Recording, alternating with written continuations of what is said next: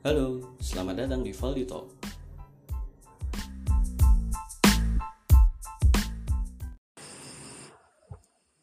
Halo teman-teman, selamat malam. Baik lagi di podcastku yang anggap aja jadi teman cerita kalian tentang apa pun. Tidak ada sebuah keseriusan yang harus kalian pikirkan dalam-dalam. Kali ini uh, aku nggak sendiri, ada temennya lagi nih. Kemarin udah ditemenin sama mbak-mbak traveling, mas-mas tukang kopi. Sekarang ada temanku yang bernama Yuvi. Halo. Say hi dong. Baru pertama nyekit ginian. Siap. Mas Yuvi. kenal kenal dulu dong. Eh, introduction. Kamu tuh Eh, siapa dan saya bukan kesibukannya? siapa-siapa. Oke. Apa kesibukannya dan apa pun yang bisa kalian eh kalian kan apa pun yang bisa kamu sampaikan ke teman-teman yang dengerin Mungkin- sampaikan aja. Mungkin background kenapa orang tertarik sama saya karena nggak semua orang punya background seperti saya. Oke. Yang kenapa mungkin Mas siapa ya Mas Cimeng, Mas Simeng. Oke. Mas Cimeng sendiri tertarik untuk ajak saya ikut podcast. Ya syukur-syukur saya bantulah karena teman tongkrongan sendiri. Jelas. Cuman saya takutnya nanti kalau saya cerita suara kekecilan ini. Nggak biasa teriak. Rapopo santai-santai. Nanti kita bahas aja backgroundnya gimana. Oke. Kenapa orang tertarik. Siap. Eh, jadi apa ya? Yuvi ini adik kelasku SMA. Adik kelas SMA yang sebenarnya itu adik ra terlalu cedak ya. SMA nggak terlalu dekat. Kita tidak terlalu dekat ketika masa sekolah. Cuman Masih satu tongkrongan lah. masih satu tongkrongan dan mungkin paling cuma ngelihat aktivitasnya dari Instagram sih kebanyakan Cuma punya Instagram saya. ya kan di Twitter lain. Nggak di Twitter. Punya tapi nggak aktif ya. oke dan sejak sejak kapan kue balik ini Pulang dari Australia. nah Pulang dari Australia itu bulan Desember. mm, mm. Satu hari sebelum saya ulang tahun. Nah, bulan Desember Yuvi balik ke sini ke Indonesia ya. Dan ya mungkin intensitas yang lebih sering terjadi setelah itu. Betul betul. Ngopi bareng, ngegame dan sebagainya di sebuah warung kopi kawasan Nologaten. Dari situ baru dekatnya. Nah, mulai kita ber- satu- bertukar pikiran. mulai tahu satu sama lain. SMA belas ramongan soal. Eh, kamu di Australia ngapain sih? Nah, Mungkin intronya situ dulu. intronya di situ dulu. Intermezzonya dari kenapa Anda ada di Australia dan apa yang Anda lakukan di sana? Aku tuh ke Australia tahun 2018. 2018 awal kok. Oke. Februari atau Maret ya, lupa. Hmm. Nah, sebenarnya niat dari ke Australia itu dari 2014. Ini berarti habis lulus Lulus eh, SMA lulus itu, SMA, nah, mulai pengennya langsung. Oke. Ya, langsung ke Australia. Tapi karena pada saat itu punya beban seorang pacar, Beban seorang pacar. Oke. saya kan mikir, aku kan mikirnya alah paling tahun depan putus, berangkat tahun depan gitu. Hmm, bacan iso direncanakan Nah, putusnya keren. Ada visi misinya kan. Oke. Kayaknya nggak lama ini.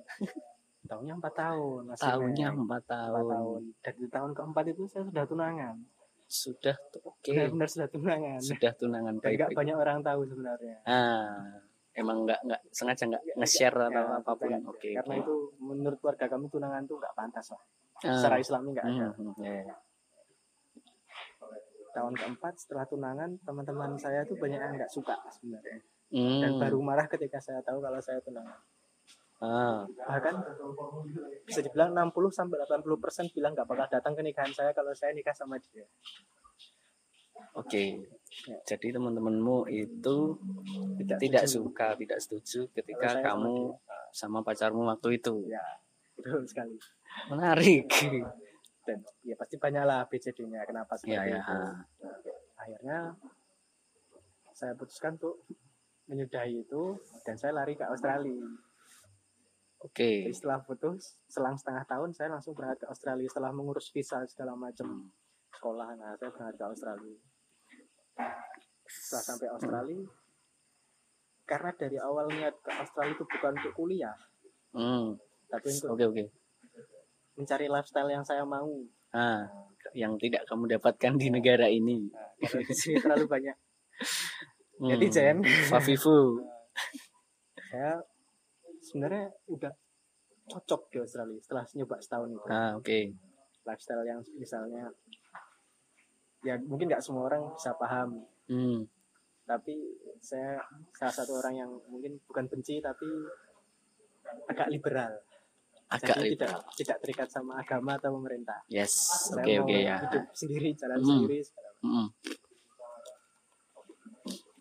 Menarik, menarik. tapi sampai di Australia itu ekspektasi saya beda Ah, tidak seperti yang saya harapkan oke. lifestyle-nya betul enak Lifestyle-nya sesuai. Nah, sesuai. Lifestyle sudah sesuai. Sangat sesuai. kecuali Oke. satu saya orang Indonesia apalagi saya orang Jogja Ah, saya suka sekali nongkrong saya Ya. suka saya sekali bersosialisasi bersosialisasi oke. jangankan sama teman yang sudah kenal Mhm. kalau di dalam bis saja sama sebelah kanan kiri pasti kita say hi Ah, bener nggak benar. Apalagi Eh, kalau mungkin ngantri atau mungkin sekedar di dalam bis angkutan umum menunggu sesuatu lah. Nah, pasti kita Oke. adalah ngajak-ngajak ngobrol kanan kiri Mhm.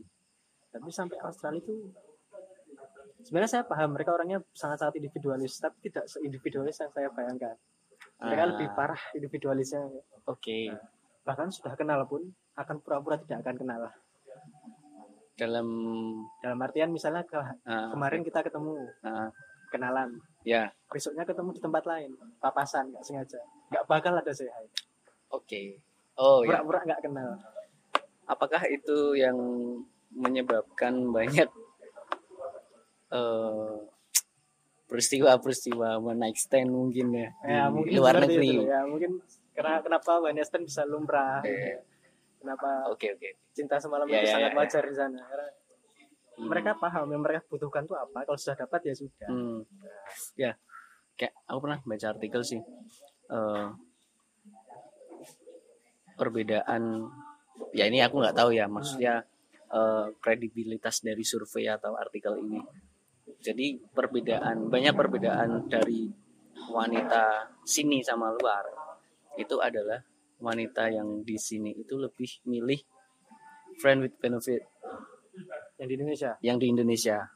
Lebih Ketimbang- condong ke FWB ketimbang one night stand. Ah, seperti itu. Mungkin sih mungkin mungkin. Tapi nggak tahu kalau sih. di Jogja mungkin tidak sebanyak di kota-kota besar kayak Jakarta Ya, benar. atau Jawa Jawa Barat. Ya ya tapi kebetulan kawan-kawan saya yang bahkan se-hypersex up. Hmm. yang bahkan hypersexnya itu dan dia perempuan ya? Ya ya. Hypersexnya sangat tinggi. Dia akan selalu tetap memilih siapa pasangan tidurnya. Meskipun cuma untuk one night stand. Yes. Bukan untuk friends with benefit. Hmm, hmm, hmm. meskipun endingnya dia hamil sama orang yang tidak dikenal. Oke. Nah dan kebetulan dia pegawai di kedainya kakak saya. Mhm. dan saya sudah pernah tidur sama dia. Oke dan setelah kejadian malam itu kita sama sekali tidak ada kedekatan apa pun itu. Nah ya kayak cuman sekedar tahu nama sama nama aja. Yes.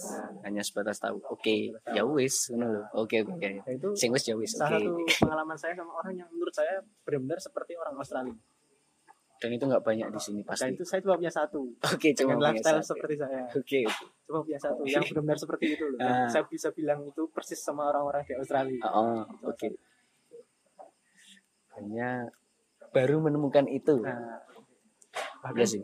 bos saya di tempat kerja waktu di Australia Mhm. kalau di luar kantor tidak akan menyapa saya mau di papasan meskipun di jalan atau misalnya di kereta ketemu kita ketemu nggak akan dia menyapa saya. Berarti memang Memang eh, sekedar mungkin mungkin rekan kerja ya udah di Hmm. kantor gitu loh. Rekan kerja tempat kerja aja. Berkomunikasi Sama hanya ketika ada kepentingan mungkin. Nah oke. Ya ya ya saya nggak kuatnya di situ kan Hmm. Australia ini sangat sangat individualis. Apalagi untuk orang Indonesia yang mungkin bahasa basi. Nah, seneng banget bahasa banyak. basi. Ya. banyak intronya ketimbang intronya ketimbang refnya ratu the point. Nah, nggak tutup poin gitu. Pasti susah itu sana serius Ya, pasti susah. Yes yes. Ya saya sudah bisa membayangkan betapa susah sulitnya. Nah, Tapi- kawan-kawan saya yang sudah berangkat duluan. Ya ke Australia. Hmm, oke mereka tidak mengatakan hal serupa. Hmm. nah mereka mungkin karena ingin mencari teman. Ah, jadi sebisa ah. mungkin mengajak teman untuk berangkat ke Australia. Oke. Ketimbang mencegah mereka bilang truthnya bilang faktanya di Australia itu seperti apa gitu. jangan ke sini. Kayak nggak enaknya seperti ini. Oke. Oh ya lo masuk akal tapi sih. Mesti ketika kamu ngajak temen dari Indonesia kan otomatis. Mending dia ikut sengsara Ya. sama kita ketimbang saya sengsara sengsara sendiri gitu loh. Ya benar benar nggak mau rugi tetap. Hmm, berarti sih eh, apa ya? Tapi mungkin kalau di Jogja emang eh, susah ya ketika emang kita di lingkungan yang seperti Jogja ini yang setiap malam bersosialisasi. Iya dan nongkrong segala macam. Bahkan nggak usah jauh-jauh ke Australia mungkin orang Jogja ketika harus menghadapi hidup di Jakarta mungkin juga kaget. Ya mungkin. Karena ya walaupun tidak separah yang kamu ceritain di Australia gitu. Mungkin Akan- sebenarnya gini mas Imin ah, Eh, ketika di Australia itu sebenarnya saya tidak tidak culture shock ketika Ah, orang oke. bilang kita perbedaan culture ya pasti. Pasti tapi ya. kalau culture shock saya enggak karena sebelum Australia itu saya sudah ikut komunitas namanya eh aku lupa namanya ya. Jadi itu ada satu satu website. Hmm, namanya itu pokoknya aneh kok. nah couchsurfing hmm, jadi kita menjelajah sofa-sofa di seluruh negara dunia. Aha. Maksudnya apa? Kita sebagai kita di dalam komunitas itu bisa jadi antara satu dari dua tipe. Yang satu kita sebagai penerima tamu, yang kedua kita jadi tamu atau travelernya. hmm, Nah, di dalam komunitas itu sebelum kita berpergian sebagai travelernya, hmm. kita bisa memilih negara mana. Misalkan ada orang Jerman mau ke Indonesia. nah Nah, dia bilang saya traveler dari Jerman, saya mau ke Indonesia. hmm, Nah, orang Indonesia ini kota yang akan dituju akan menyediakan rumah tempat tinggal pengganti hotel secara Untuk gratis dia untuk oke dia. Di situ saya sudah ikut bertahun-tahun dan maksudnya saya sudah dapat banyak tamu dari luar negeri itu saya sudah paham culture-nya mereka gitu loh. Meskipun sampai sini mereka pura-pura welcome karena mereka tahu orang Indonesia itu Ah, sangat ya ya sangat ya welcome. Tapi tetap kelihatan maksudnya Ya. sebenarnya mereka itu orangnya seperti ini. Sebenarnya cuek, sebenarnya tidak peduli. Tapi karena kita suka membahas ah. Hal-hal basa-basi, ya. Mereka tuh juga ikut. Mau nggak mau. Karena mereka tamu Iya. kan. Nggak enak juga kan kalau misalnya kita kalau Australia saya paham. Hmm, orangnya bakal seperti ini. Ah, oke. Nah, tapi Jadi- sampai sana setelah menghidupi sendiri di negara Hmm. sana yang hidup cuman makan tidur kerja makan tidur kerja. Sekolah saya nggak berangkat. Ah. di sekolah pun yang saya saya kira bisa dapat teman banyak itu sama saja. Sama aja. Sama saja. Dengan pola di luar sekolah. Sama oke saja. oke itu benar dalam kelas yang isinya saya cuma 12 orang pertama Ah, kali masuk ah. cuma 12 orang. Saya tuh kenal cuma orang Indonesia nya aja karena di Oh, sana di dalam oke. jam 12 orang itu ada orang Indonesia nya tuh empat. Empat orang Indonesia oke. Yang lainnya dalam kelas mungkin saya hai. Cuma di luar kelas ya sudah urusan urusan urusan urusan ah kita ya, nggak ada maksudnya teman itu teman classmate aja nggak ada sebagai as friends gitu nggak ya sesuatu yang memang jarang ditemui di Jogja apalagi ya khususnya. Tapi eh sorry Eh, tadi apa? Eh, komunitas atau itu website ya? Bisa apa namanya? Couchsurfing. Couchsurfing. Couchsurfing.com itu kemarin aku podcast sama si Putri yang membahas tentang traveling. Hah? dia juga ikut kayak gitu. Itu kalau luar Ah, negeri. iya. Iya benar-benar jadi dia sih benar-benar bikin ongkosnya makin apalagi hotel kan ya mahal. backpackernya Nah, lebih ngirit budget Apalagi kalau couchsurfing benar kita nggak bisa ngasih apa-apa gitu. Ah. Karena Jadi emang dalam satu komunitas. dia dia eh, apa namanya rencana sih tahun ini sih pengen ke Sri Lanka cuman kan eh, masih ada belum. corona wabah kayak gini dia dia sempat bilang sih cerita gitu dia udah dapat orang sana yang Mau ready buat nerima dia gitu di- buat tinggal di rumah tapi asik loh serius aku belum pernah nyobain secara pribadi sebagai travelernya sih Hmm. tapi udah sekitar sama kakak saya itu berdua sudah enam tahun waktu saya masih rumah sendiri Oke. setelah rum- ikut rumah orang tua saya sejak Desember kemarin nggak pernah ikut lagi saya. Hmm. Menarik, menarik. dan itu pengalamannya banyak banget sih serius jadi lebih ngerti sih lah istilahnya meskipun kita nggak paham politiknya mereka jadi tahu politiknya ekonomi Ah. segala macam apalagi histori saya suka banget sama histori itu kan Nah, histori negara-negara tertentu nah saya jadi paham em, terus pas di Australia nih, pas kamu hidup di Australia, s- kamu emang maksudnya eh, mengandalkan uang dari sini ataukah oh iya ya? Nah, semacam kamu. ini lebih lebih asik dibahas sebenarnya Nah, oke oke. Monggo. Jadi sebenarnya semenjak 2014 itu ibu saya itu 2015 selesai menjabat sebagai ketua KPU DIY. Oke. Selesai jabatannya. Ah, Padahal waktu dua kali masa jabatan tuh istilahnya keluarga saya lagi ekonomi di atas atasnya. wah, ada iklan. Ekonomi keluarga saya itu lagi di atas atasnya. Oke, waktu oke, umur oke. waktu ibu saya masih menjabat. Nah, tapi setelah turun jabatan ekonomi mulai kembali seperti biasanya tidak se tidak sewah dulu dulu. Nah, Oke. tidak sewah. Iya. Nah, padahal waktu itu saya sudah berpikiran wah gimana banget mau ke Australia kalau misalnya lagi posisi seperti ini Oh, gitu oh. dan kebetulan semenjak itu saya tidak pernah minta Uang aku. bukan minta uang sangu uang sangu masih Masih, pasti oke. jelas cuma tidak pernah minta uang yang untuk hal-hal aneh-aneh Untuk aneh-aneh. Mendem. nah, sebenarnya Udah, bukan, bukan. udah. bukan kecu-kecunya Aman. tapi lebih kayak ke seumpama minta motor Oh, ya. ya, Oke, anak. SMA pada umumnya lah Tersier. nah pas waktu awal kuliah pertama minta mobil kan waktu itu dikasih tapi terus kecelakaan hmm. adik saya pakai nah, udah mulai minta hal-hal yang enggak penting lah maksudnya. dan waktu itu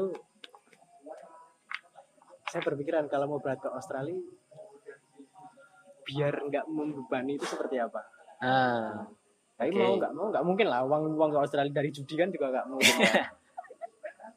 Oke, atau oke. misalnya jual diri Ah. kan masih susah Terus Sam- sampai akhirnya saya janji sama orang tua saya kalau Hmm. diberangkatkan ke Australia saya nggak akan minta uang lagi sepeser pun oh. jadi saya cuma minta diberangkatkan ke Australia aja Oke, oke, oke. waktu itu orang tua saya tidak setuju Mhm. Karena mereka takut nggak percaya saya bisa mandiri Ah, karena selama ya. ini tidak mandiri tidak mandiri. selama ini masih bergantung sama Oke. keuangan orang tua Ya. bahkan untuk ukuran anak umuran saya yang di Jogja di circle saya uang Ya. saku saya itu termasuk banyak Termasuk yang Termasuk- paling tinggi. enggak juga Enggak juga.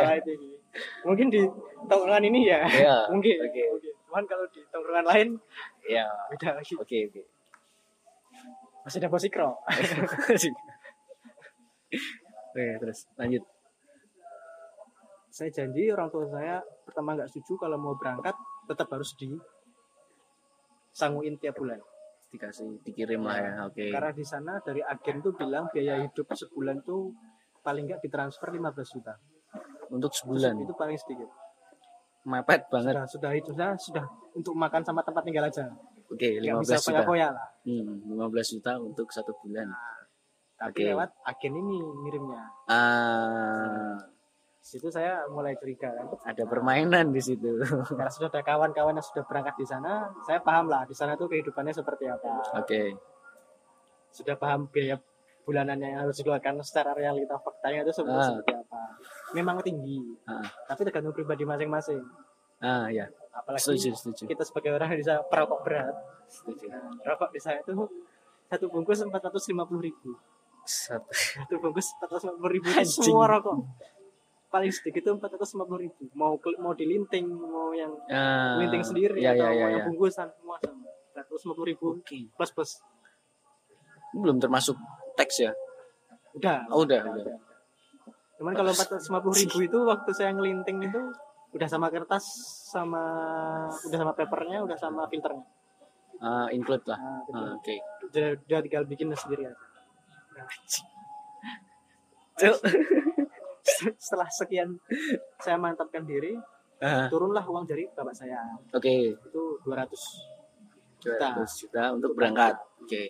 Mas saya bayar itu 170 atau 180 juta untuk bayar sekolah satu semester Ah, pertama ah, dan visa Oke.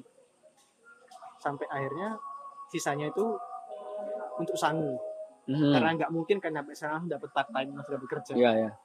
oh ternyata enggak sampai sana hari kedua langsung kerja saya Oke. langsung dapat part time Itu itu eh, part time-nya kerja apa? Kerja apaan nih? Eh, sebenarnya di sana tuh ada dua tipe Aha. yang ilegal dan Ah. Oke, oke. karena semua kerjaan resmi di sana itu mereka selalu lewat transfer yang di mana langsung dipotong sama teksnya Oke, iya Karena iya iya. student meskipun visanya student Aha. tetap harus kena teks meskipun nanti setiap Oh. setahun satu tahun sekali dikembalikan teksnya secara utuh Hmm, jadi kayak. Hmm, istilahnya hmm. nabung nabung nabung pajak Ya, selama setahun macet. ntar dikembalikan Oke. sebagai student cuman kalau kerja non ilegal eh kerja Ilegal, ilegal ilegal. non resmi itu mereka pakai cash Cash dan tidak ada potongan. tidak ada potongan pajak Oke. cuman biasanya mayoritas gajinya di bawah UMR Ah, ya ya ya ya. di sana kan bayarannya per jam Mm-mm. kalau ilegal itu terakhir saya tahu itu 18 dolar per jam 18 dolar berarti 180 ribu 180 per satu jam per satu jam. Kalau oke. saya kerja itu ilegal itu 16 dolar per jam 16 dolar per jam. Hmm. kasarannya satu bulan saya tuh gajinya 20 juta 500 pas 20 juta 500 ribu. Tapi lumayan.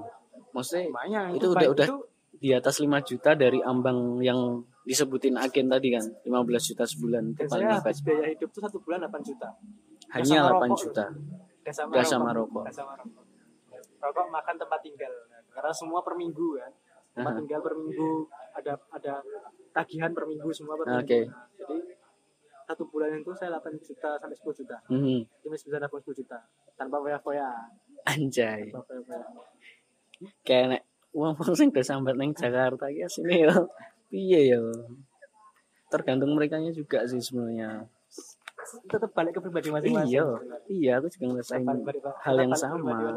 Orang-orang- hidup tinggi kalau kalian bisa benar prihatin. benar benar tetap tetap bisa hidup. Setuju. Tetap bisa nabung atau bisa tergantung orang. Cuman ya namanya, namanya masih muda masih pengen beli ini jelas itu itu ya. Ya itu 10 juta. Yang sisanya paling habisnya cuma buat itu. Kalau nggak buat beli Mhm. minum. Nah oke. karena di sana obatnya pulang capek pulang kerja cuma minum. Alkohol. Cuma alkohol. oke.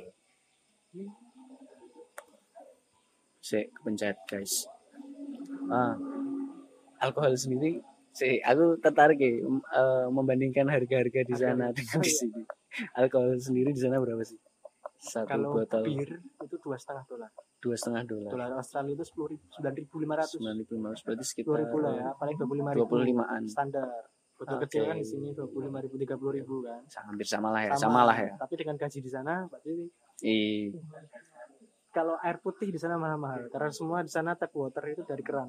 Jadi hmm, nggak ada namanya pakai galon semua minum dari keran oke. bahkan di pinggir jalan keran tuh bisa dingin bisa panas Hmm. bisa diminum Ah, ya itu ya. di pinggir jalan loh untuk jalan kaki itu benar-benar ini sih air putih itu tiga setengah dolar Hmm. kayak aqua botolan Ah, ah. itu tiga setengah dolar itu kenapa orang bisa bilang air putih lebih mahal daripada bir di Australia Oke. di luar negeri itu saya paham sekarang Nah, bahkan bir itu saya dari tempat kerja saya itu dikasih gratis setiap malam emang dapat jatah kayak gitu ya. kalau air putih mah nggak dikasih Enak banget tuh air Ribe. putih ntar potong potong gaji Hmm, kalau air Oh. putih botolan malah potong gaji nah itu kan hitungannya kalau air putih botolan ngambil dari vending machine itu kan ngambil dari Mhm. kulkasnya itu malah potong gaji teman kalau misalnya bir kita setiap pulang pasti dikasih satu dua satu dua Selisih banyak banget yo. Rokok sama Rokok kalau ya, di sana. rokok ya. Apalagi marketingnya campaign anti rokok di sana tuh tinggi banget. Jadi semua bungkus rokok tuh semua bentuk wadahnya sama. Hijau. Ah, sama depannya gambar yang membahayakan Ya, ya, ya, itu. ya. yang membedakan cuma tulisan nama brandnya.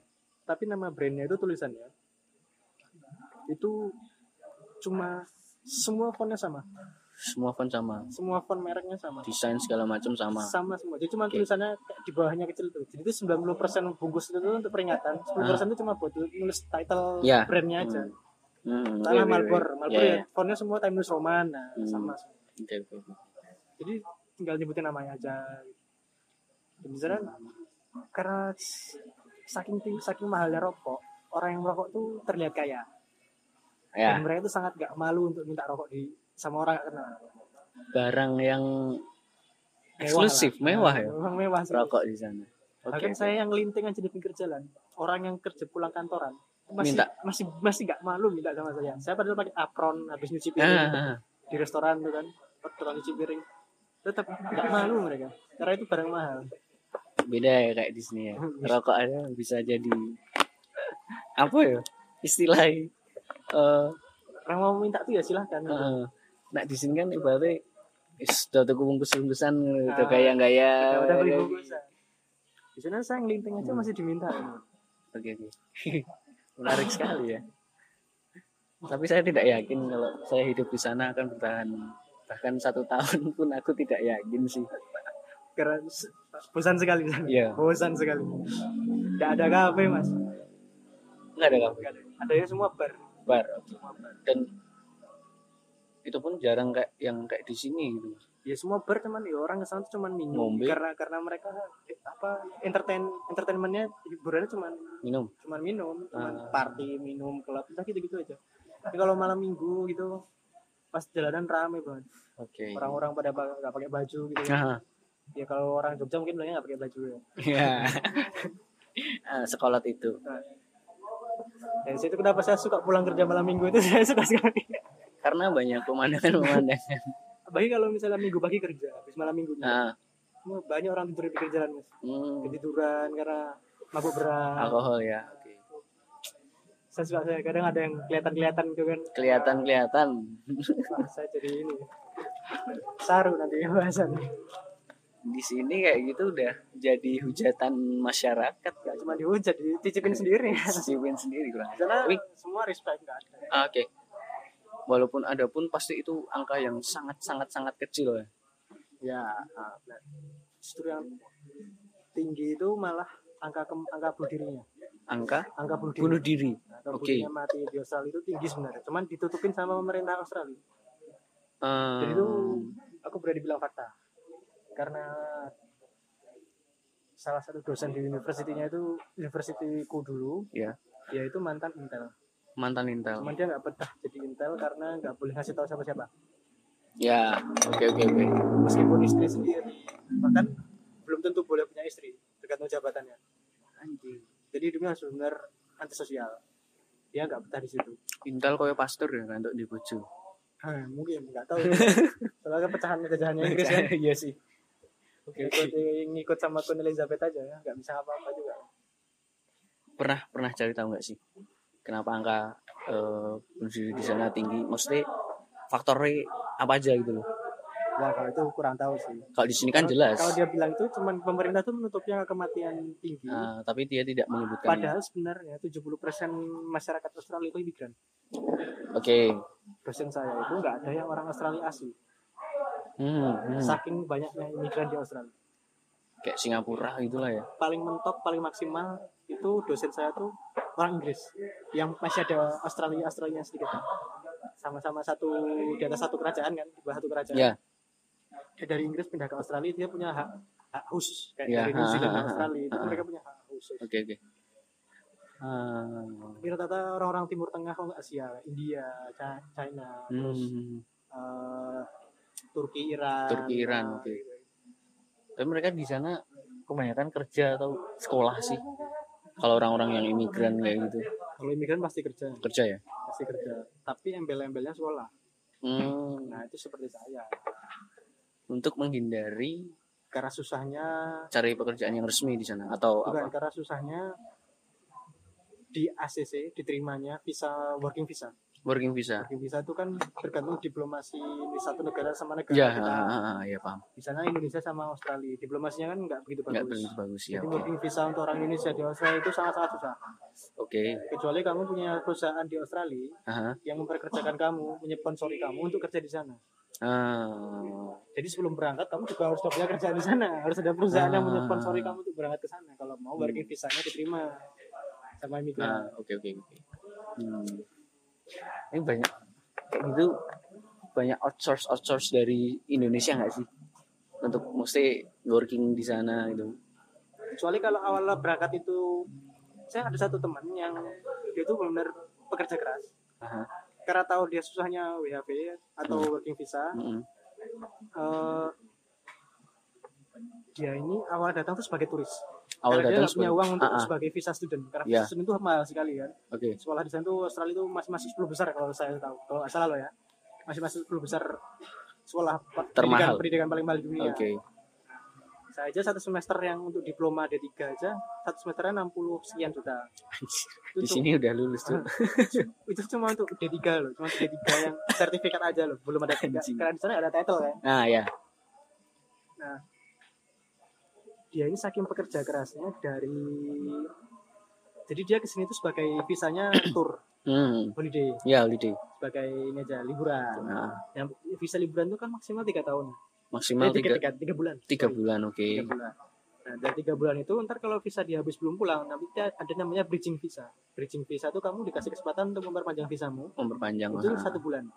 Oh. Jadi totalnya empat bulan. Hmm. Nah, tapi satu bulan itu kamu nggak bisa ngapa-ngapain. Yang di bridging visa. Hmm. Nah, dia pintarnya selama tiga bulan sampai dia langsung cari kerja di sini. Aha. Setelah cari kerja, uang dari kerjaan selama tiga bulan untuk DP sekolah. Oke. Untuk DP sekolah. Ah. Nah, di bulan keempat dia pakai agen di Australia untuk bikin visa sekolah, student visa. Student visa, oke. Nah, dia punya student visa, selesai selesai visanya misalnya satu tahun atau dua tahun. Ah, ah. Nah, dia selesai student visa, dia jadi pekerjaan dari gelarnya itu. Ah. Sertifikat sekolahnya yang diambil. Ya, ya, ya, ya, ya. Nah, setelah dapat, jadi selama sekolah dia part time di yang sebidang sama studinya. Ah, ah.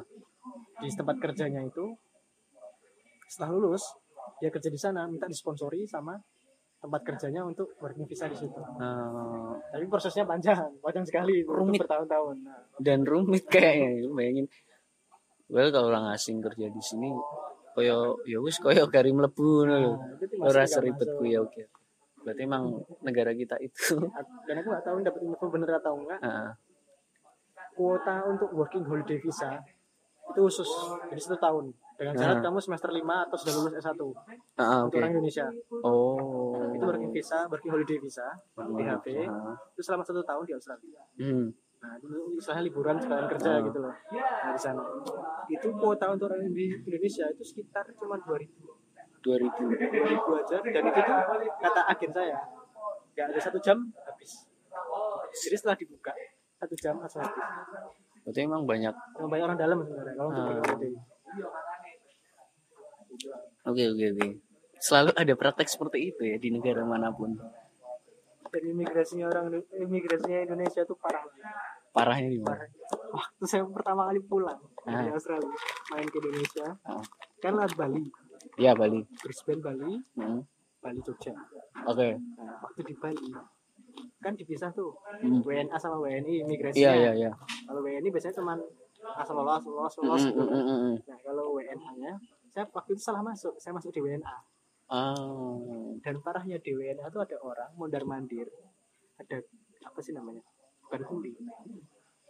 Eh, apa sih namanya calo? calo oke Lalu bilang express express 25 dollar. hmm. Jadi sekelas imigrasi. Imigrasi. Cuma harga 25 dolar, 250 ribu, 250 ribu kalau dolar Australia. ah. Cuma sekitar 200 ribu sampai 300 ribu. mhm. kalau mau ngeliatin imigrasi di Indonesia. Dan separah itu sekelas imigrasi orang Indonesia. Entah itu ada setiap hari atau enggak saya nggak tahu. Cuman waktu itu saya situ ada. Dan selalu bilang express don't have dollar kelonggaran seperti itu negara kita. Hancur ya kita ini emang negara korupsi ya Mas. parah. Oke oke. Ah banyak fakta-fakta yang terungkap loh yang aku nggak tahu sebenarnya. Ya, orang bilang hidup di luar negeri itu enak lah. Ya. itu balik ke pribadi masing-masing lah. Ya bener. Kayak cocoknya gimana? Hmm. nek mau kalian sambat ya rasa. Wis nang yo nek mau kalian sambat. Tenan. Ayam uripmu ini balik-balik ke kehidupan di Australia nih. Kamu di awal tadi kan bilang pengen nyari atmosfer yang sesuai sama kamu nih. Eh, hidup segala macam lifestyle. Em, yang notabene kalau di Australia kan memang terlepas dari sikap individualistis yang parah eh, mungkin. Kan pasti eh, banyak kelonggaran-kelonggaran kalau di sana kalau dibandingin sama Indonesia. Kayak misalnya masalah alkohol. Hmm. Eh, mungkin eh, untuk tinggal bersama. Ah ya. Kalau kalau kalau nggak apa maksudnya belum ada ikatan pernikahan pun nah kayak gitu. Ya, meskipun sekarang di Indonesia banyak juga sih. LGBTQ ya LGBTQ ada ada maksudnya ada yang mungkin orang bisa nggak tahu. Mm, maksudnya perbedaan treatment nggak sih ketika kita kalau di sini kan nemuin orang-orang yang seperti itu kayak misalnya um, Ya, mungkin having sex segala macam yang nggak resmi atau LGBTQ yang bener-bener di wah kayak dimusuhi lah. Ya mungkin karena itu sifat sosialis kita ya. Oke. Kalau nggak kalau ada yang beda itu salah. Hmm. Biasanya orang nganggapnya di situ. Malah cuma lagi- karena dia beda sama mayoritas biasanya salah mungkin di situ. Sebenarnya tuh tidak sosialis sosialis sekali sebenarnya Indonesia itu. Mungkin sosialis tapi kurang bineka mungkin. terlalu sempit. Ah, pola pikirnya sosialnya mungkin, terlalu sempit. Mungkin. Kalau nggak tahu circle orang lain. Iya ya. sih. Cuman kalau yang kita rasakan ya kenapa benar. saya pindah ke Australia penyebabnya itu juga? Makanya kan aku juga sok bingung ketika ada banyak orang yang bilang toleransi di Indonesia itu oke banget ya. Ya. Contohkan lah ya. Misalnya saya kalau lihat aku kalau lihat aku sendiri ya maksudnya aku tatoan terus hmm, eh, bukan benci tapi kayak menghindari agama. Oke. Itu mungkin menurut orang nggak susah diterima sih untuk di sini ya? Nah, mungkin tuh sekedar kenal aja mungkin orang ogah gitu. Mm-mm. jadi benar-benar harus dapat Tapi- circle yang pas kalau di sini bukan berarti aku nggak punya pondasi moral. Ya benar. Itu itu itu. Yang penting kan di situ. Benar. Banyak banyak orang beragama di Indonesia ini yang malah tidak bermoral sama sekali. moral. moralitinya nol moralitasnya. Justru kalau di Australia malah orang-orang itu mereka open minded tapi nggak punya pondasi moral. Hmm. jadi mungkin kalau mereka sama orang lain mereka mencoba untuk terbuka pikirannya tidak menyalah benarkan mereka Aha. tapi untuk diri mereka sendiri itu hidup sesuai sesuai suka mereka ya terserah mereka oke, mau itu nggak bermoral atau apa itu terserah mereka itu pribadi masing-masing. Mereka mereka nggak akan peduli omongan orang lah ya mungkin. Beda banget berarti emang eh, jika kita harus membandingkan banyak hal di sini sama di sana yo apa ya? Gimana ya mungkin sebenarnya kalau aku bilang bukan salah sih tapi Hmm. mena- meletakkan Pancasila satu ketuh udah ada nyebutin ketuhanan aja udah sudah tidak pancasila sudah memaksa kan sudah memaksa orang untuk beragama gitu loh ya ya gini apa enggak Hmm. Nggih, Prof.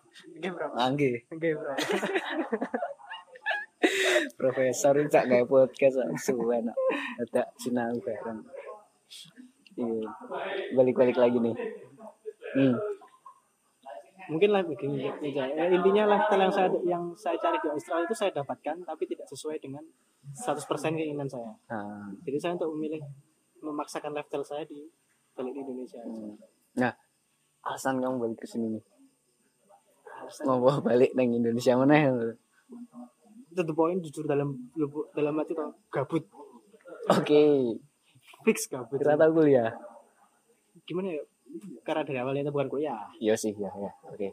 dari awal bilang sama orang tua bukan mau kuliah di sana mau cari pengalaman mau kerja mau ya mau coba hidup sendiri lah dan memang bisa hidup sendiri di sana Nah, nah. benar dimudahkan untuk semua orang untuk mau apa mencari pekerjaan Hmm. macam.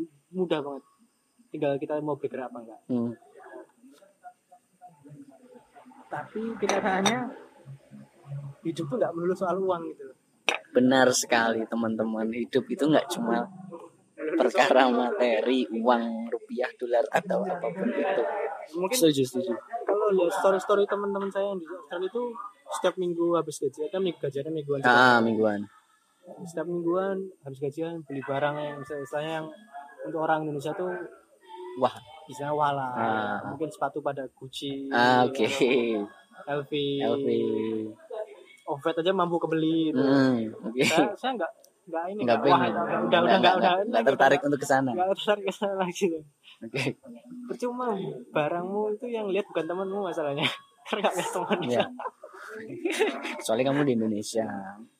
Sandang ini nomor siji, Bro. Jadi kamu di Indonesia mampu beli nggak karena kancamu akeh. temanmu banyak di sini Sandanganmu wangun kancamu akeh. Wis kuwi fix kuwi. yang kagum sama kamu banyak Oke. Kalau yang kagum sama kamu orang nggak kenal ya udah sekali aja kagumnya Enggak tahu ya. Sih Indonesia ini ngopo tuh jane aku ya arti. Wong-wongane orang-orangnya tuh apa ya? karena saya mikir ah, buat apa sih punya uang kayak gini tapi kok Iya, bener. Dan- di Indonesia lah gitu ya udah akhirnya saya pulang Desember kemarin pulang tapi kebetulan kan sebenarnya orang tua saya sudah tidak menerima saya lagi Hmm. karena di pertengahan tahun waktu di Australia itu mereka tahu saya tatoan Oke. saya Berarti berani bilang kalau misalnya saya niatin hati untuk pulang pulang for good pulang permanen Mm-mm. ke Indonesia aku mikirnya wah mending tahu sekarang lah sebenarnya tatoan dari 2014 Mm-mm. cuma masih di dalam di dalam kaos masih Nggak kelihatan, nggak kelihatan. Oke. nambah nambah nambah di badan kok pengen nambah di luar gitu loh Entah di Ah. tangan atau apa Addicted ya. setelah saya nambah tato di tangan waktu di Australia itu saya langsung bilang sama Umi saya Umi. Uminya Yufi. sebenarnya kalau orang nggak kenal saya nggak tahu kalau kalau lihat saya mungkin mikirnya background saya mungkin malah mikir saya orang non ya non muslim Iya, ya. mungkin iya. mungkin mikirnya non muslim Padahal sekolahnya Manjici ya. padahal sekolah nggak pernah negeri sekolah swasta terus agama juga alhamdulillah nilainya bagus Hmm. tapi background keluarga saya ya bisa dibilang masih ngikut FPI lah Nah, muslim lah ya. muslimnya yang muslim radikal radikal masih muslimnya yang ya terserah orang mau apa tapi Islam tuh yang bener-bener bener-bener bener nah semua Ah. harus ikut Islam terus Ya. Nah, gitu. Oke, boleh oke. menyimpang sedikit pun Iya. Setelahnya di situ. Terus saya bilang sama umi saya saya tatoan kalau misalnya tidak diterima tidak apa ini Hmm. konsekuensi saya. Saya Hmm. berani berbuat saya berani bertanggung jawab. Nah, oke. aku cuma pengen ngomong kayak gitu. Waktu umi balas itu setengah mati Hmm. paniknya itu setengah mati. Ah. tulisan statusnya typing itu. Wis, takutnya setengah mati sudah. Iya, bahasanya. mengetik itu langsung tahu saya karena jelas yang yang yang tidak akan menerima saya lagi itu habis saya Oke, ya. karena Ah. histori keluarga saya sama bapak saya itu panjang lah Ah, oke, kami oke. keluarga itu punya figur ayah itu sebagai sosok cuman eh, penunjang ekonomi keluarga Sebatas aja. itu. Oke. dan kebetulan kakak-kakak adik saya juga menganggap yang sama Hmm. karena emang uh, abis saya nggak pernah ngomong sama anak Hmm, kecuali oke. perkara akademis atau kerja Hmm, Nah, antara dua itu Oke. bahkan apalagi yang perempuan mbak saya atau adik saya yang perempuan itu sama sekali tidak pernah ngomong sama mbak saya Hmm. nah mbak saya nggak tahu cara ngadepin anak perempuan kayak gimana Oke. nah, kebetulan mbak saya tuh nggak pernah punya orang tua dan dulu orang susah Hmm. pulang Ya. sekolah waktu SD aja pulang sekolah harus nyawah nggak Ya. sempat main jadi mungkin kenapa dia terlalu serius gitu, hidupnya, Oke. terlalu serius Paneng. dan mungkin itu kenapa dia tidak tahu cara Treat uh, orang. mengurus, Ah, mengurus anak mengurus karena anak, oke. menjadi menjadi orang tua mungkin nggak tahu dia caranya Iya. karena dia belum pernah punya orang tua gitu. Oke, oke. itu saya keluarga memaklumi ya, akhirnya saya tahu pasti Abi saya tidak akan menerima saya Ah. Nah, saya bilang tidak apa-apa li Hmm. kamu tidak apa-apa li kalau memang mau pulang pulang kalau tidak betah pulang aja nggak apa-apa Ah. Oke. tetap akan diterima seperti itu Ya. saya itu saya kaget banget saya bilang gitu ada waktu dulu saya ketawa nonton bokep sama kali aja Ah, bokep Oke. Nyepe pandai. itu SD ya Es anjing. ketahuan sama tangga Goblok. saya dipukulin Ah. dikurung di kamar mandi Mhm. dikasih uang sangu berapa bulan Ah, Oke. karena itu benar-benar menyimpang dari Islam gitu. nah, apalagi yang tato itu yang Ya, permanen gitu permanen. pikir saya kan pasti tidak coret dari kakak lah. Seret gue. karena lagi masih ada banyak anaknya Anakku sih ono. Oke. saya kaget saya bilang itu karena semata-mata ternyata umi saya itu kangen. Hmm ya. Dan selama setahun di Australia bapak saya nggak pernah nanyain kabar saya sama sekali. Sama sekali. Sama sekali. Saya coba ngetes. Sebenarnya nggak sengaja. Kemarin Agustus waktu pulang ke sini itu Hmm. karena aku tuh beli tiket tuh kangen saking kangennya sama rumah. Saya mabuk oke. Saya mabuk saya beli tiket. Hmm. One way. One way one ah. way. Waktu udah beli waktu paginya hangover way aku udah kebeli tiket. Hmm. Mau refund masih rugi berapa berapa persen? Berapa persen ya udah pulang ntar tiket pulangnya tiket belakangan. Hmm. Waktu Agustus itu saya pulang dua minggu bapak saya nggak ada ngajak ngobrol saya sama sekali. Sama karena sekali. tahu saya tatoan oke. Nanyain kabar aja nggak sama sekali. ah nanyain gimana di depan nggak ada sama sekali. Ya tapi dia cuma ngikut ngikut kantor ke bandara waktu pulang ke Australia. Lagi hmm hmm.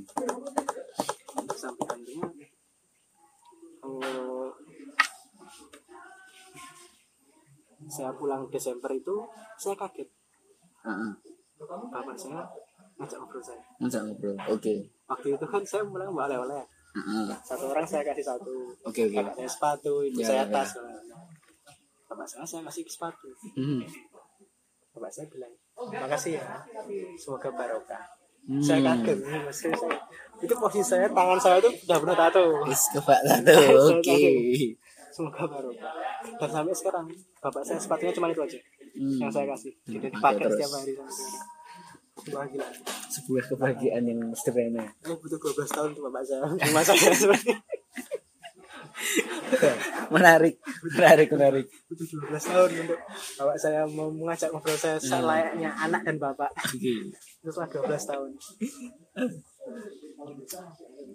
Kamu berarti tatoan ini sejak tahun 2014 ya Om masih di punggung. Motifmu apa sih itu 2014 itu saya pengen banget banget ke Australia. Saya cari alasan untuk putus sama pacar saya. Oke saya pikir waktu itu saya kalau tatoan nggak easy dia bakal putusin saya. Karena tidak suka. Waktu itu kan kita lagi masa-masa jenuh-jenuhnya sama-sama jenuh. Hmm. tapi masih menjalankan hubungan ini gitu loh. Hmm, hmm, nah waktu itu saya bilang aku tatoan ya. Hmm. dia balas. Oke. Setelah saya tatoan aku bilang aku foto ini aku tatoan. Hmm. Dia bilang oh ya udah nggak apa-apa. Gagal. Dia menerima saya gagal. gagal triknya gagal. Mohon maaf saya sempat selingkuh dua kali. Oke. Ini judulnya podcast saya jadi pengakuan seorang Yufi. Mohon maaf, saya pasti kedua kali ketahuan. Nggak diputusin saya. Anjing. Bisa sebenarnya itu kenapa kalau orang bilang apa? Ada putusin aja. Saya enggak sebenarnya saya lebih tega menyakiti secara nggak langsung.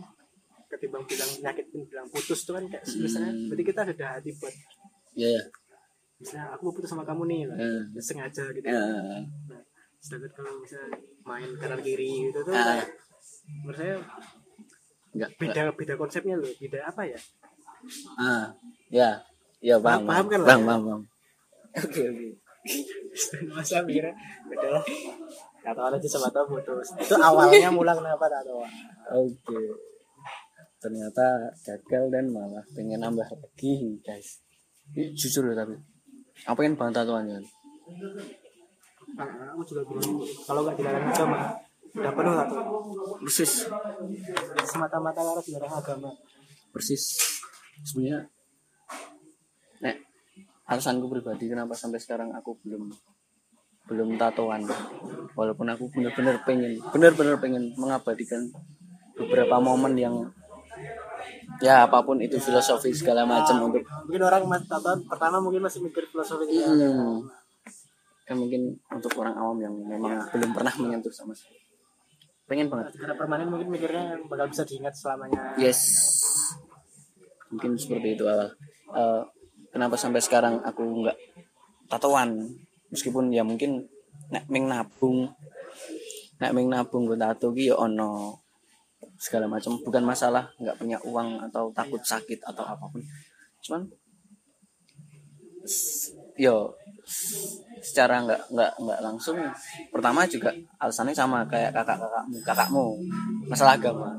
Cuman sebenarnya eh, aku luweh ngebody aku lebih ya. Aku lebih lebih takut eh, orang tua aku marah atau kecewa ketimbang aku ngelanggar agama. Paham itu paham, paham. kayak gitu. Karena karena mari tuh orang tua itu nomor satu sih. Iya makanya kan. Ya walaupun meskipun meskipun nek eh, berdasarkan pengalamanku pribadi sih mungkin orang orang tua aku nggak akan sekeras ayahmu mungkin. Nggak akan sekeras itu cuman malah justru saja nih justru di situ berarti. Di situ berarti kebetulan teman-teman mayoritas yang pengen tatoan tapi nggak jadi tatoan mereka tuh bukan orang-orang yang agamis bukan dari keluarga yang agamis. Justru karena bukan dari keluarga yang agamis Iya. fondasi moralnya bukan agama tapi lebih ke orang tuanya. Nah, di, karena di situ mungkin mereka takut. Ini bapakku agamis sih Yuf pacar sih. Bapakku tak Islam masjid guys. Tak masjid tapi mendino neng masjid adan aku juga tahu apa jadi ah gue ada masjid. Aku lebih lebih aku nggak mau orang tuaku dapat beban moral dari omongan-omongan orang lain sekitar ketimbang dosa. Nah, pikiranku untuk saat itu sekarang seperti itu. Meskipun kamu udah bisa cari uang sendiri tapi Mm. tuh itu salah satunya. Ya dan yang kedua itu eh, apa ya? Kayak banyak beberapa orang dekat yang mungkin orang dekat itu akan menerima. Cuman keluarga orang dekat misalnya yang kurang menerima seperti itu. Ya walaupun kan iya benar apa? Baru Oh, iya kan? sekarang loh iya. Ah, kebetulan pacarku yang sekarang itu kan tatonya juga penuh. Banyak Iya, lah iya, iya, iya. kanan kiri atas bawah. Lah, oke. lumayan lah. Dan ibunya tuh mualaf. Mhm. Dan ibunya dari aku pertama kali nggak setuju karena looknya memang karena memang dari Ah. awal kelihatan tatoan. Tatoan dan maksudnya ini bukan orang yang tahu agama. Nah langsung melihat Ya. seperti itu. Ya, ya, bisa sering terjadi.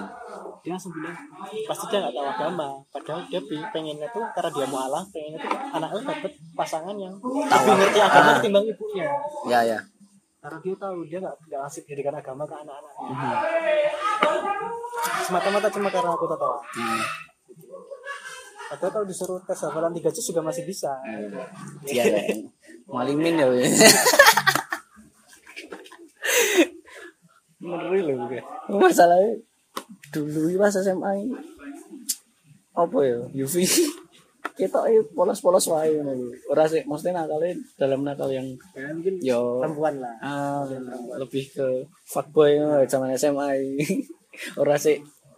Mabuk apa. seperti itu lah. rupanya barangnya blas tidak mencerminkan wong gali nakal ngono blas ora. tenan manja bacan Nggak kelihatan preman-preman. Oh oh ya blas ora ya nek jebulane Bali saka kono ketemu mah bajila tatoan wong ya. Sepatu sikile wae merkan sikile merek wae Balenciaga. Bacan tapi emang serius sih.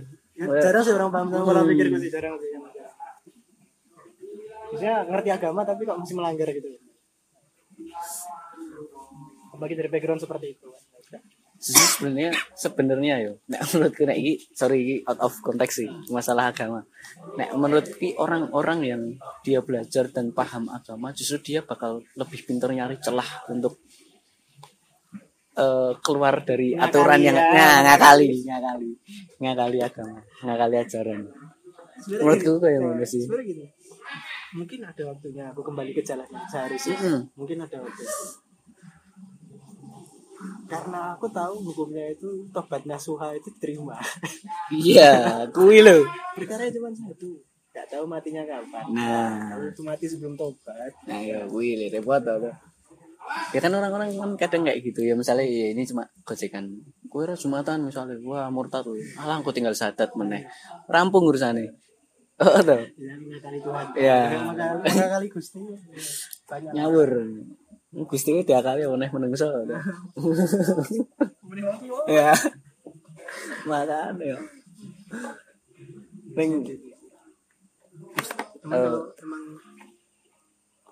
ini sih yang bikin shock tuh ya itu ya, saya kira mungkin karena saya sudah ada pekerjaan tetap hmm. terus maksudnya keluarga saya backgroundnya kayak gitu Mm-mm. mungkin ibunya pacar saya mungkin bakal menerima Ah, Nah, saya shocknya masih itu padahal sebelum ketemu pun ibunya tahu anaknya ini sugar daddy gitu oke. Dan itu literally benar-benar sugar daddy Hmm. bukan yang sugar daddy sugar sugaran gitu loh Segar-segaran, ada gula, bukan yang bukan yang cuma pura-pura macak. macam Ah, macak ngono kuwi. sugar dan itu nah, ketemu buktinya banyak sekali Hmm. Awalnya saya sama dia juga ini out of context ya Oke, santai. Eh, awalnya sama dia juga saya cuman ringkan aja waktu itu saya deket sama kebetulan ada tiga perempuan Hmm. emang gak ada yang pacar sih cuman kebetulan sama tiga perempuan dan itu Enak semua tuh bagus ada. Bajigur, bajigur. Oke, oke, terus terus terus. Lanjut lanjut. kebetulan satu semenjak dari Australia itu menjalin hubungan tuh saya namanya open relationship Ah, oke. mungkin kalau orang yang nggak tahu mungkin yang nggak logis atau mungkin bilang orang gila nggak punya akal ya terserah mereka itu Hmm. mereka tapi saya lebih menikmati hal seperti ini jadi saya punya hubungan sama seseorang orang itu mau having sex sama siapa pun itu itu terserah dia kita aku tidak tidak Ya, tidak membatasi kamu ABCDE tapi kamu juga tidak membatasi aku ABCDE ya, yes. dan situ itu nggak pasti bisa dekat sama tiga perempuan Hmm. Si, pacar saya yang sekarang ini awalnya juga seperti itu karena saya mendapatkan bukti dia itu setiap bulan ada yang menyponsori Sponsor. Sponsor dan itu gak sedikit loh sebulan 12 juta loh Berapa? sebulan 12 juta Sebulan 12. Oh, Oke. dan bangga bangga ngapain Gajiku ping piro ya sudah 12 juta itu untuk orang Indonesia tanpa bekerja itu Wah, sekali banget loh. bro ngalahin PNS. Dan itu kagetnya saya sponsor itu tidak cuma dari satu orang. Hmm. dan parahnya dia itu juga menyponsori orang lain. Oke. jadi dia seperti itu tapi dia juga mau diakali dimanfaatkan sama laki-laki lain. Aha. dan dari situ saya bilang oh saya nggak bakal serius sama dia. Ah, dengan posisi seperti ini Iya, dengan iya, posisi dia seperti ini. Nah, kebetulan nggak sengaja saya itu kerasan tinggal di kontrakannya dia. Kerasan. itu setelah dua bulan. Setelah dua bulan. setelah dua bulan. Setelah dua bulan di kontrakannya dia. Kok ternyata orangnya bukan polos sih sebenarnya. Dia terlalu dibilang terlalu bucin bisa sih. Mungkin terlalu bucin. Jadi kalau misalnya aku bilang A dia ikutin A itu terus. Nah, manut lah ya. buta gitu. Ah. buta dia benar buta itu. Aku bilang B kamu harus B dia B terus nah waktu itu aku bilang tawarin dia kamu serius apa enggak kalau misalnya kamu serius tak jelasin nih Hmm. hubunganku soal open relationship Hmm. dia langsung bilang enggak enggak mau kamu tak bebasin kamu aku bebasin tapi aku enggak mau tapi aku maunya dilarang-larang sama kamu Oke, enggak enggak mau open. Oke. aneh, aneh. kebalik? Ah. kebalik jadi dia bilang Hmm. kamu mau ngapain dia itu terserah kamu kamu mau ngewek sama mau ngentot sama siapa dia itu terserah Ah. kamu tapi aku maunya dilarang-larang sama kamu Mhm. Oke. aku bilang wah ini bullshit nih mungkin nih bullshit Mau udah udah ketahuan kamu sugar daddy kok Iya. masa bilang gitu Kok bertolak belakang. kamu mau menolak rezeki Bertolak belakang ya tuh. akhirnya setelah saya tahu masa lalunya saya paham kenapa dia sekarang Ah. seperti ini karena dia benar benar berubah dari lifestyle-nya itu dia ada yang mengimani mengimami Mengimami. Oke. dia untuk jadi baik gitu meskipun bukan secara agama Hmm. tapi seenggaknya secara moral dia baik gitu loh meskipun aku nggak bilang sugar daddy itu nggak bermoral Iya, iya, iya. nah itu tuntutan pekerjaan kan tuntutan Ya, konsen uang beda-beda lah. seperti itu Nah, akhirnya saya bilang kamu mah bisa berhenti maksudnya 12 juta tuh gak sedikit loh. Aku pun gak bakal nolak gitu loh. tapi yang jelas kalau kamu mau serius sama kamu aku bukan tipe orang yang bakal ngejual harga dirimu gitu. Hmm. Aku bilang gitu. Kalau mantan mantanmu itu ngizinin kamu seperti itu sorry aku nggak bisa. Kalau kamu yang mau serius sama aku gitu ya nggak bisa. Karena yang jelas harga dirimu nggak semurah itu di mata aku. Aku- nah, akhirnya kita sampai sekarang tapi masih shocknya ya ibunya itu aku kira dengan seperti dengan dia seperti itu aku bisa bebas menjalani lifestyleku di sini. Setelah tahu ibunya justru gak terima aku seperti ini situ aku bingung. Sekarang masih mau nambah tato masih. Ntar dulu. DI eh, balik masalah eh, perempuan gitu. tapi kebanyakan justru kebalikan loh nek neng menurutku loh di Jogja lah lingkup lingkupan sekitarku teman-teman segala macam malah kebalikan mereka kalau dikasih tahu segala macam tuh malah kayak kok ngeyel kok yang merasa terkekang atau apa itu mungkin karena dia pada sebelum sebelum belum sama pernah senakal itu. Nah. Dia belum pernah bandel gitu Hmm. rasanya. belum pernah beda dari mayoritas istilahnya seperti itu. Makanya kan eh nek menurutku ya eh banyak cowok yang dapat eh sorry perempuan dengan eh masa lalu yang seperti itu tuh malah dia bakalan luwih langgeng ra sih maksudnya. Ya paham paham. ketimbang orang yang wis ketimbang orang yang masa lalunya baik-baik saja. Dan akhirnya ketemu dunia luar yang ah. Apalagi ketemunya bareng-bareng dunia luar. Kuil Tapi parah sih maksudnya membuat hubungan menjadi sangat tidak harmonis. Sorry. Emang tapi masih ngerasain loh maksudnya nggak tahu sih orang lain hmm, yang punya pengalaman sama apa enggak tapi Iya, iya. pacaran sama sugar daddy itu pacaran sama sugar daddy itu enggak enggak jauh.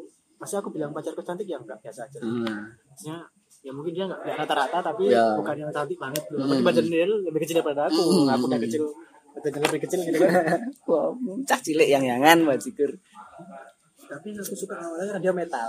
Metal dia metal oke. sekali. Dia metal sih aku bilang metal. Mungkin salah satu kan ini eh, sesuai nggak sama mungkin kamu merasa ada persamaan lifestyle atau pola pikir atau apa pun? Aku bilang aku metal tapi metalnya beda jalannya ya maksudnya gimana ya? Eh, dasar-dasar metalnya itu beda. Hmm, falsafahnya beda lagi dia orang Medan oke orang orang-orang itu keras tegas. dan mereka itu masih menganggap laki-laki itu lebih tinggi daripada perempuan. Bahkan dia sendiri menganggap seperti itu Iya, iya, iya. aku itu kan maksudnya bisa dibilang orangnya pembersih Hmm, ketimbang teman-teman laki-laki yang lainnya iya, gitu. iya.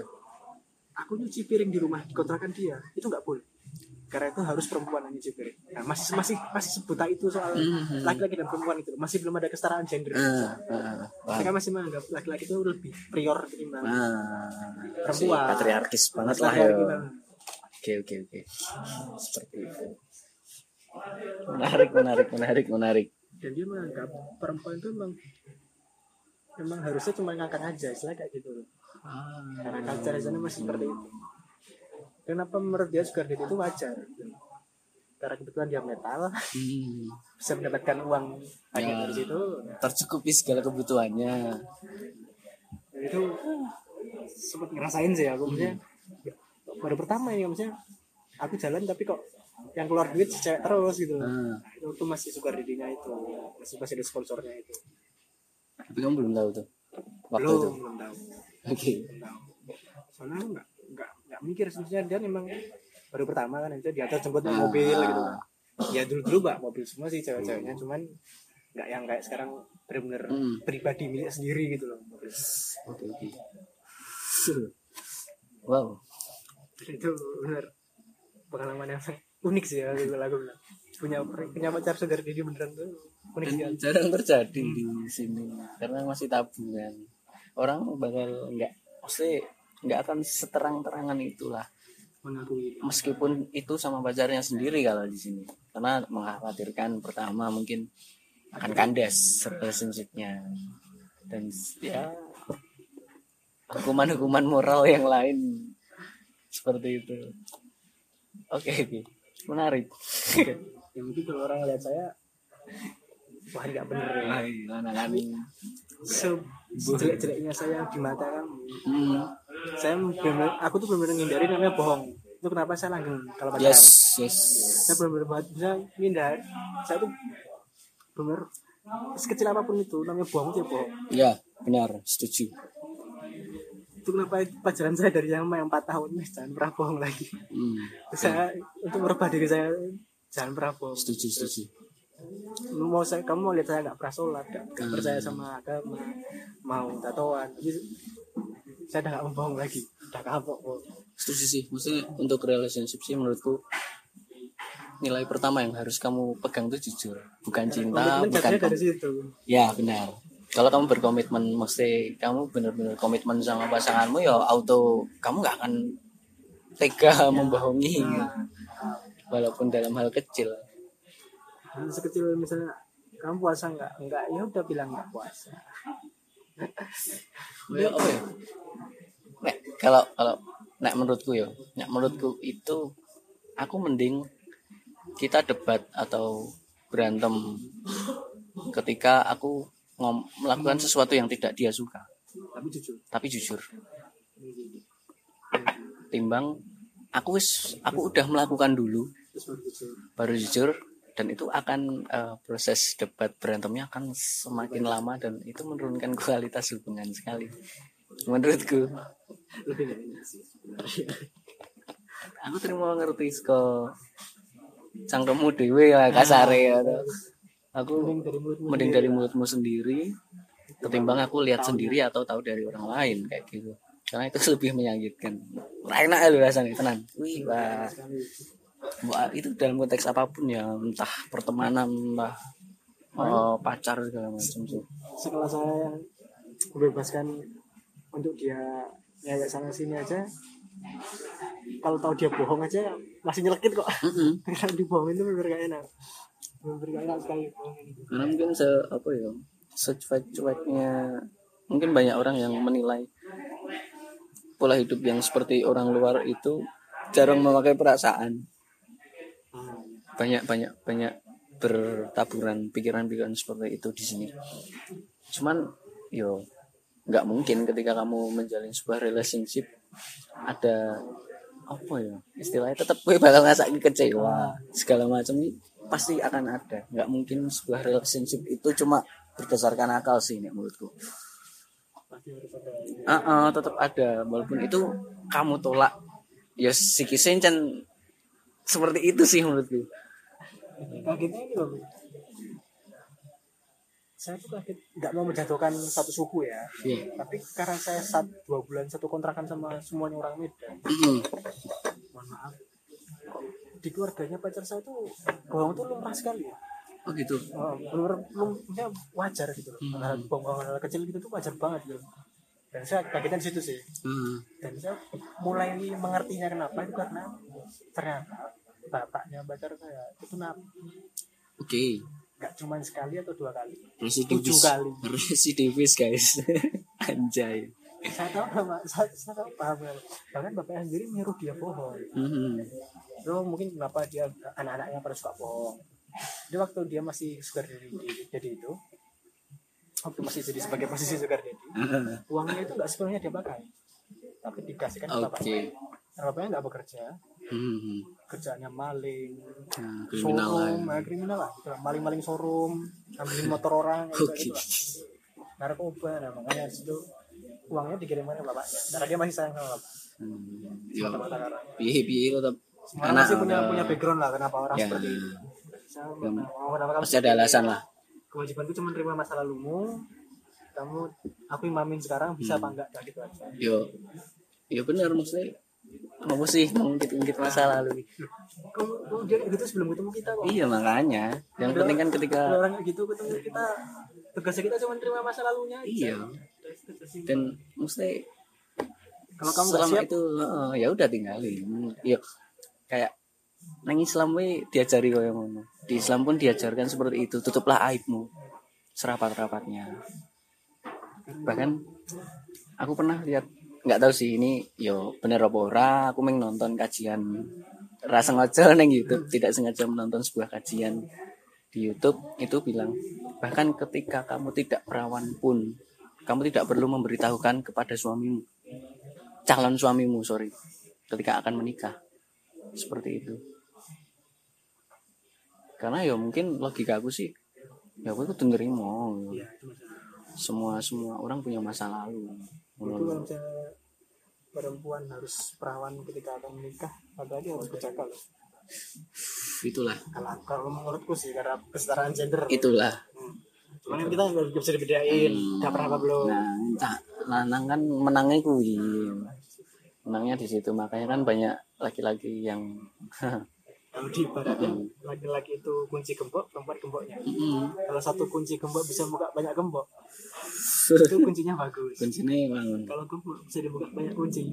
Berarti kembali adalah ibaratnya tuh masih di situ gitu loh, masih masih di situ. iya. Sebenarnya ya ya orang punya pilihan lah.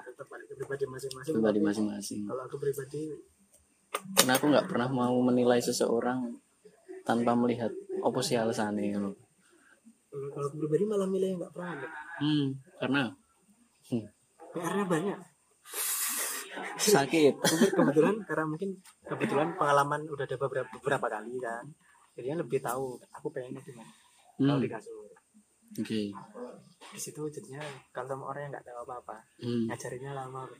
ya ada kuwi Ngajarinnya pelan-pelan. hmm. Bang Mawar itu syukur syukur mending sama udah pernah langsung oke tahu. oke. Tapi ya iya sih itu apa ya? Ya itu kalau aku pribadi sih. tabu sih tabu tabu sih masih di sini. Cuman ya meh piye we mosok wis sayang wis terus no gara-gara itu gara-gara kuwi ra sida rapi lah ya lucu. Masa lalu terus semua orang pernah bikin salah. wah itu pernah sama itu pernah sama itu. Lah gue ini meh rapi nek pengen kalau kalian ingin menikahi seseorang yang tidak punya masa lalu jelek ke mending ngencim sing isih bayi ya mbok cim lho mbok nggih beras mbok bu kurang di masa lalu elek. Mbok jaga mbok taleni bojomu. Yang itu itu seperti itu. Menarik sih. Neng, eh, si, ini balik balik ke eh, loncat ke tato lagi nih. Selain eh, alasanmu menato untuk putus tadi. Oh, awalnya ada eh, awalnya. Itu ada ada yang nggak sih? Ketika kamu nambah nambah terus awalnya memang masih karena iseng sih sebenarnya. Masih karena iseng. Dan kebetulan kalau kayak orang awal merokok lah. Ah, Nggak nyoba nyoba sih kalau dibilang nato itu ketagihan kalau aku sih iya kalau nggak tahu sih orang lain kalau aku iya. Benar benar ketagihan. Nggak bisa berhenti di sini aja gitu nggak bisa. Hmm. Bahkan aku udah udah kepikiran sampai sekarang udah udah udah mulai mikir desain untuk taruh di kepala. Hmm, oke. Saking itu pengen tapi nunggu lahir penuh dulu. Hmm, kayak gengku bro. Kelingan gengku bro lah. Lawas. Bapaknya ditato ku bro, guys medeni wis sumpah gendone. Temperan lan siji nyerutang. Aku wani muni ngene soalnya deknen ra mungkin ngrungokke podcast atau nek deknen ngrungokke lak ya tantemu ya. Nah, mesti berarti kan memang ada eh, pengen apa, pengen tato apa kan udah direncanakan desain dan ada makna-maknanya enggak sih? Nah, kalau mana itu mungkin aku anehnya di situ Hmm. awalnya ada mungkin kayak yang di sini satu ada mm itu sebenarnya namanya mantanku itu yang 4 tahun Hmm, siapa? Oh, enggak usah enggak perlu disebut. Sorry, sorry, sorry. cuman itu aku, aku desain sendiri untuk yang bisa baca cuma aku Oke. jadi kalau orang lihat cuma kotak di garis-garisin Hmm, Sandi Morse. di sini yang bisa baca cuma aku jadi aku mikir kalau aku putus sama dia aku nggak malu Ah, ya dan kalau mau ngeblok aku bisa tambahin lagi Hmm.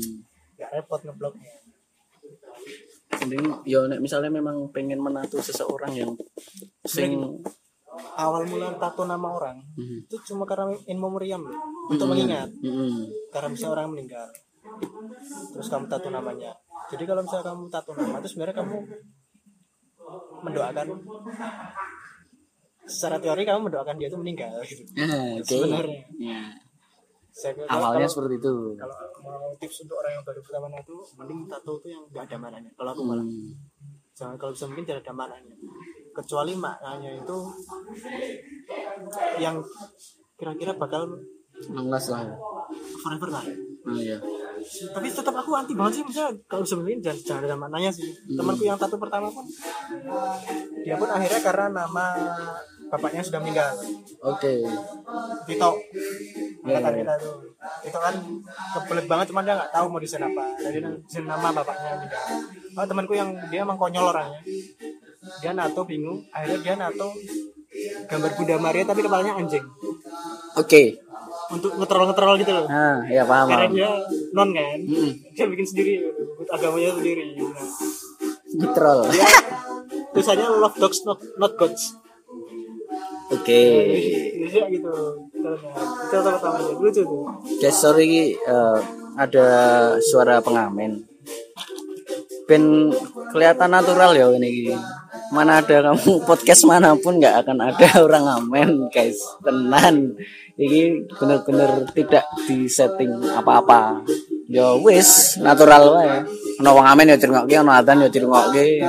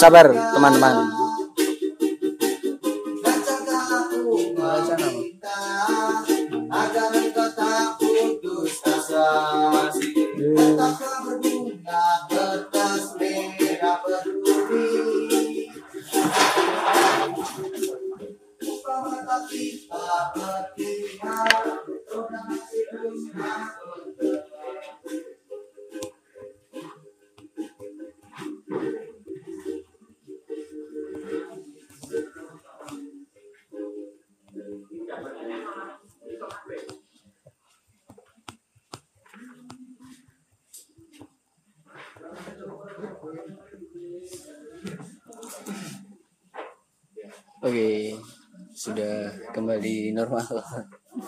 Paling ono wong bengok-bengok telanan Mobile Legend.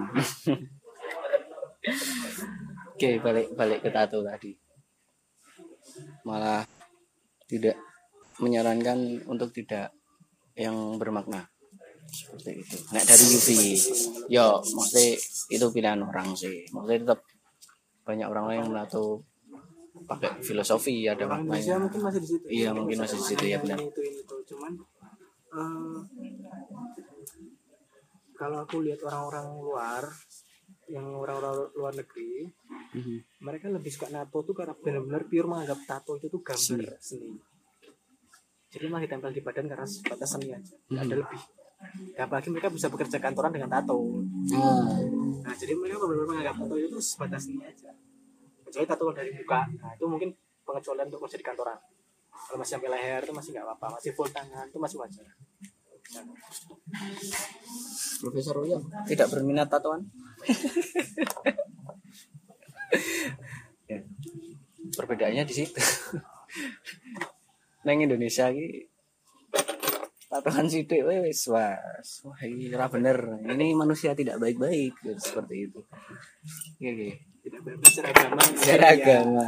mungkin ya secara agama secara moral belum tentu Hmm. Ya. Ya balik lagi. Orang-orang yang berilmu itu malah kadang pintar mengakali dan mencari celah. Semua Ya. Apa iso tobat? Nah, Kan. Oke. Bacan. Menggambleh ngene wis sak jam. Meh siji setengah jam lho. Lah nek sekarang kesibukanmu apa, If? Terlep- selepas dari sana kebetulan kerja kantoran kerja kantoran. Oke. kata siapa ya bisa kerja kantoran Hmm. aku front office. Ya, emang Oke, di kantor oke. bapak sendiri Oke oke. Dan kan dari Indonesia ke Australia, dari Australia ke Indonesia lagi, Hmm. Penyesuaian lagi nggak? metal bro Wih deh, ada penyesuaian lagi nggak di situ? Udah. Hmm. luar dalamnya orang Indonesia dari kecil di sini cuman kalau penyesuaian tuh lebih ke iklim sih Iklim. Kalau soalnya di oh, sini biasanya di sana tuh pakai hoodie terus karena Dingin. dingin ya meskipun summer itu masih dingin untuk orang Indonesia tapi setelah sampai sini jam tidur nah, itu enggak lah Nah, enggak nggak terlalu beda jauh ya. beda dua tiga jam aja Ya neng koyo neng Bali, Papua. Oke oke. masih sama cuman kalau misalnya iklim memang polusinya Indonesia tuh eh, berkerasa banget sampai Bali langsung kerasa Nah, udaranya beda banget beda sekali. udara kenapa motor sama udara mereka kan nggak pakai kendaraan pribadi Hmm. mayoritasnya pakai umum Transportasi umum. Kompas TV Kiono juragane pecong ini dijak gawe podcast ning buh kayak guyok nih jelei. Padahal meh tak dai kehormatan pertama kali teman-teman ning ya kuwi. besok ya Besok ya. wis dina nutup Oh, dina nutup ini. Susu. Susu es. Wae. Era meneh. Oke ini obrolan nganu loh. Kamu pasti jarang mendengar obrolan-obrolan seperti ini loh di kehidupan bermasyarakatmu yang serialnya itu-itu saja, yang lempeng-lempeng aja. Maksudnya ya nek menurutmu jelek ya nggak usah dilakuin, cuma sekedar buat didengerin atau buat eh, bahan pertimbangan ketika mungkin kamu besok menemui orang-orang atau mungkin anakmu sendiri mungkin besok anakmu sendiri. Ya weh meter anda semua. Adikmu yang Nah, keluarga itu. Nggak ada atau yang tahu. nggak ada yang tahu nggak ada yang tahu. Cuma yang di atas yang membolak balikkan hati. Weh, yang ngomong orang non agamis diceramai wong Buh. Lah, iya maksudnya agar kamu bisa boleh ngetrit lah. maksudnya ya seenggaknya walaupun kamu tidak bisa menerima secara 100% kamu bisa menaruh respect ke mereka. Ke orang-orang yang berbeda cara hidup pandangan pola pikir segala macam. Harusnya kamu bisa orang lebih respect. hati lah semua orang punya hati semua orang punya hati. Bisa tersinggung. Bisa tersinggung bisa sakit hati. Seperti itu. Ada apa gitu? Buat conclusion penutup atau apa kayak pesan-pesan mungkin. Nah, mungkin yo ini aku nggak akan menutup kemungkinan orang-orang yang pernah ada di podcastku akan aku ajak lagi loh. Maksudnya eh, biar menarik ngono lho ben do penasaran sih sapa to nah nanti kan bisa di kesempatan berikutnya kan bisa lebih jauh lagi membahas masalah pengalaman hidup sih dari bilangnya si- ada sebenarnya. pesannya sih orang tuamu itu ya orang tua kamu itu ya kamu Hmm. ya oke respect orang itu bukan berarti harus tunduk as slaves gitu Hmm. itu tunduk sebagai budak gitu. ya benar. Menghormati demi yang itu caranya banyak. Ya. banyak. Di internet banyak di YouTube banyak.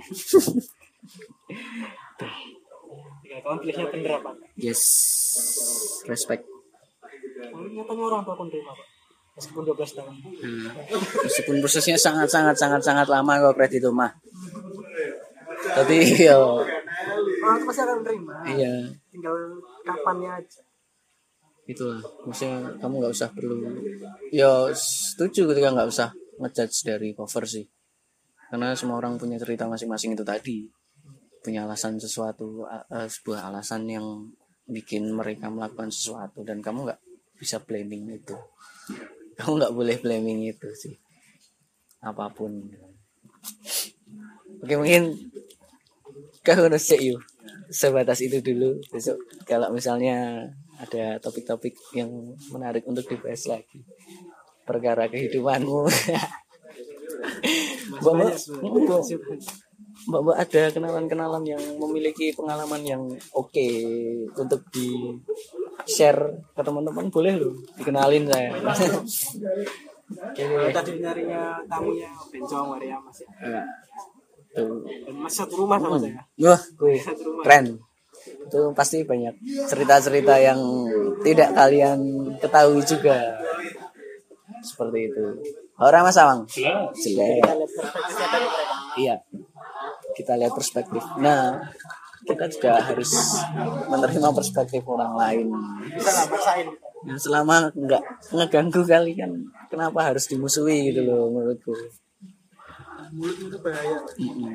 Jempolmu saiki sing bahaya jempolmu saiki luwih bahaya. Oke teman-teman mungkin sampai situ dulu uh, obrolan singkat sama DUV terima kasih sudah mau mendengarkan. Selamat malam.